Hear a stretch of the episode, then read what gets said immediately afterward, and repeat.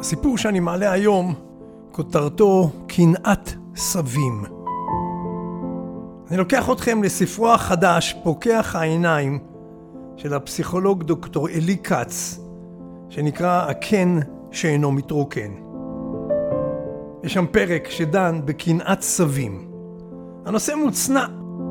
האם, האם בכלל הוא קיים?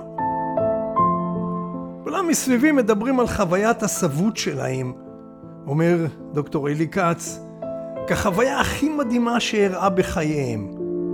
נכדיהם הם פאר היצירה, הקשר עמם מושלם, ויש בו רק אהבה ושמחה ענקית. ברגע שנעשים לסבא או סבתא, יש להישבע אמונים לאלוהי ההלל והתשבחות. האם ייתכן שאני היחיד שמרגיש לעיתים קושי ובלבול, ופעמים גם עלבון ועצב, בקשר שלי עם נכדיי? האמת המבישה היא שהקשר שלי עם ילדיי היה ועודנו קל וטבעי לי מאשר הקשר שלי עם הנכדים. אז הנה תמצית מסיפור קטן שדליתי מפרק הקנאה, בספר הקן שאינו מתרוקן. להזכירכם, אתם על זיקוקין דינו, הסכת, שמעלה סיפורי חיים קטנים, מהחיים של כולנו, שיש בהם חומר למחשבה. מספר לכם בקולו שוק הדינו. וכך מספר דוקטור אלי כץ. עדנה, סבתא צעירה כבת שישים, סיפרה לי על אפיזודה קטנה שמדירה שינה מעיניה. הכל בשל מפגש תמים בבית בנה, שבו השתתפה גם דינה, הסבתא השנייה. הדינה הזאת, היא סיפרה, ממררת את חיי. אישה חסרת גבולות שלא עובדת כבר שנים, וכל מה שהיא עושה זה להגיע לבית של בני עם סירי אוכל. בני, בני לא מאושר מזה. ואני שותקת מפאת שלום הבית, ובעיקר לשמור על הקשר עם הנכד המדהים שלי, אורי. אני לא יכולה ולא רוצה להתחרות בה, אבל, כך היא ממשיכה, אני סבתא שמשקיעה למרות שאני עובדת במשרה מלאה. נכון, אני לא שם כל יום, אני לא מביא אסירים, אבל ביומיים קבועים אני רואה את אורי, כשאני מוציאה אותו מהגן וכשהם באים אלינו.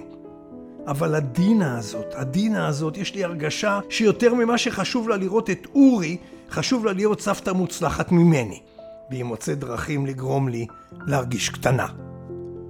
כשהגענו לאירוע בבית בני, דינה כרגיל כבר הייתה שם. ישובה על המדרגות בכניסה ואורי על ברכיה. נעלבתי קצת כשאורי התעלם ממני. זה הרי בדיוק מה שהיא רצתה. עדנה עצרה רגע ללגום מים, היד שלה רעדה.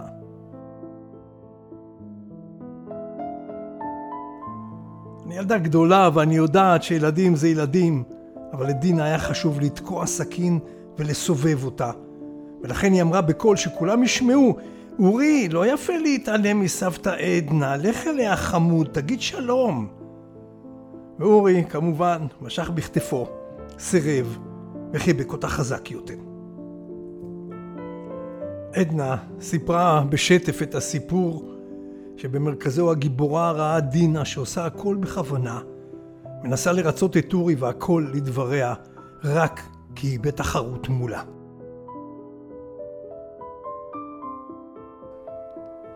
בסוף שיחתנו סיכמה עדנה, אורי הרי הוא ילד, הוא בוודאי מתפתה בקלות, אבל לפעמים נדמה לי שאורי נהנה מהמאבק בין שתי הסבות. הוא לא רק המרוויח העיקרי מכל הפינוק המוגזם שהיא מרעיפה עליו, אלא שזה נותן לו תחושה של כוח.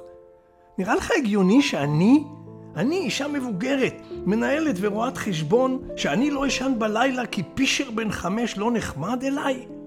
זה מטריף אותי כשאני מוצאת את עצמי מתחנפת אליו עם מתנות וממתקים, בעיקר כדי לשחד אותו. עדנה השתתקה, ואני גלשתי למחשבות של מיתוסים. ואז היא הוסיפה. מה שכואב, שדינה מצליחה במניפולציות. אני עצמי מתחילה להטיל ספק בקשר שלי עם אורי. הוא פחות נחמד אליי מאשר אליה. והאמת, שזה גורם לי לאהוב אותו פחות מאשר את נכדי השני. אני, אני לא מאמינה שאני אומרת את זה, אבל האהבה שלי לנכדים אינה ללא תנאים כפי שאני אוהבת את ילדיי. אצלי זו אהבה שקשורה לדרך שהם מגיבים אליי. כשאורי מתמסר אליי, אני מתמוגגת. כשהוא דוחה אותי, אני נעלבת. בתוך העלבון אני מרגישה גם אשמה, הרי סבתא אמורה לאהוב את נכדה כאילו והוא בנה. זה קטע מספרו של דוקטור אלי כץ, הקן שאינו מתרוקן, בהוצאת מטר.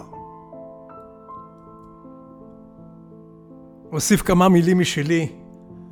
רבים מקוראי, הסבים והסבות, בוודאי לא הזדהו עם הסיפור.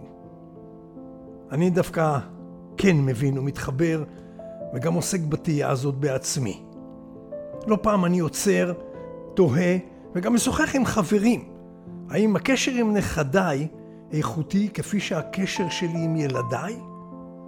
האמינו לי שיש לי קשר לא רע עם דור הילדים וגם עם דור הנכדים, ובכל זאת, אני חוקר ותוהה ומתייעץ עם הרבה חברים. עכשיו תקשיבו איך דוקטור אלי כץ עצמו, בעל המקצוע, מסכם את החוויה. הסיפור של עדנה אינו סיפור על סבתא שלא אוהבת את הנכד שלה. להפך. אהבתה לאורי עזה, ודווקא משום כך היא נעלבת ומקנאה לו. גם לי יש נכדים, ואף שלא נוח להודות, אני מבין את הרגשתה. לא נוח לי משום שלא נראה לי נורמלי שגבר בן גילי שחווה מספיק חוויות בחייו, ייעלב מילד קטן על שלא שמח לקראתו, או יתמלא בקנאה בסבתא ובסבא, מהצד השני, שרק מרעיפים אהבת יתר על נכדם. זיקוקין דינור, שוק הדינור.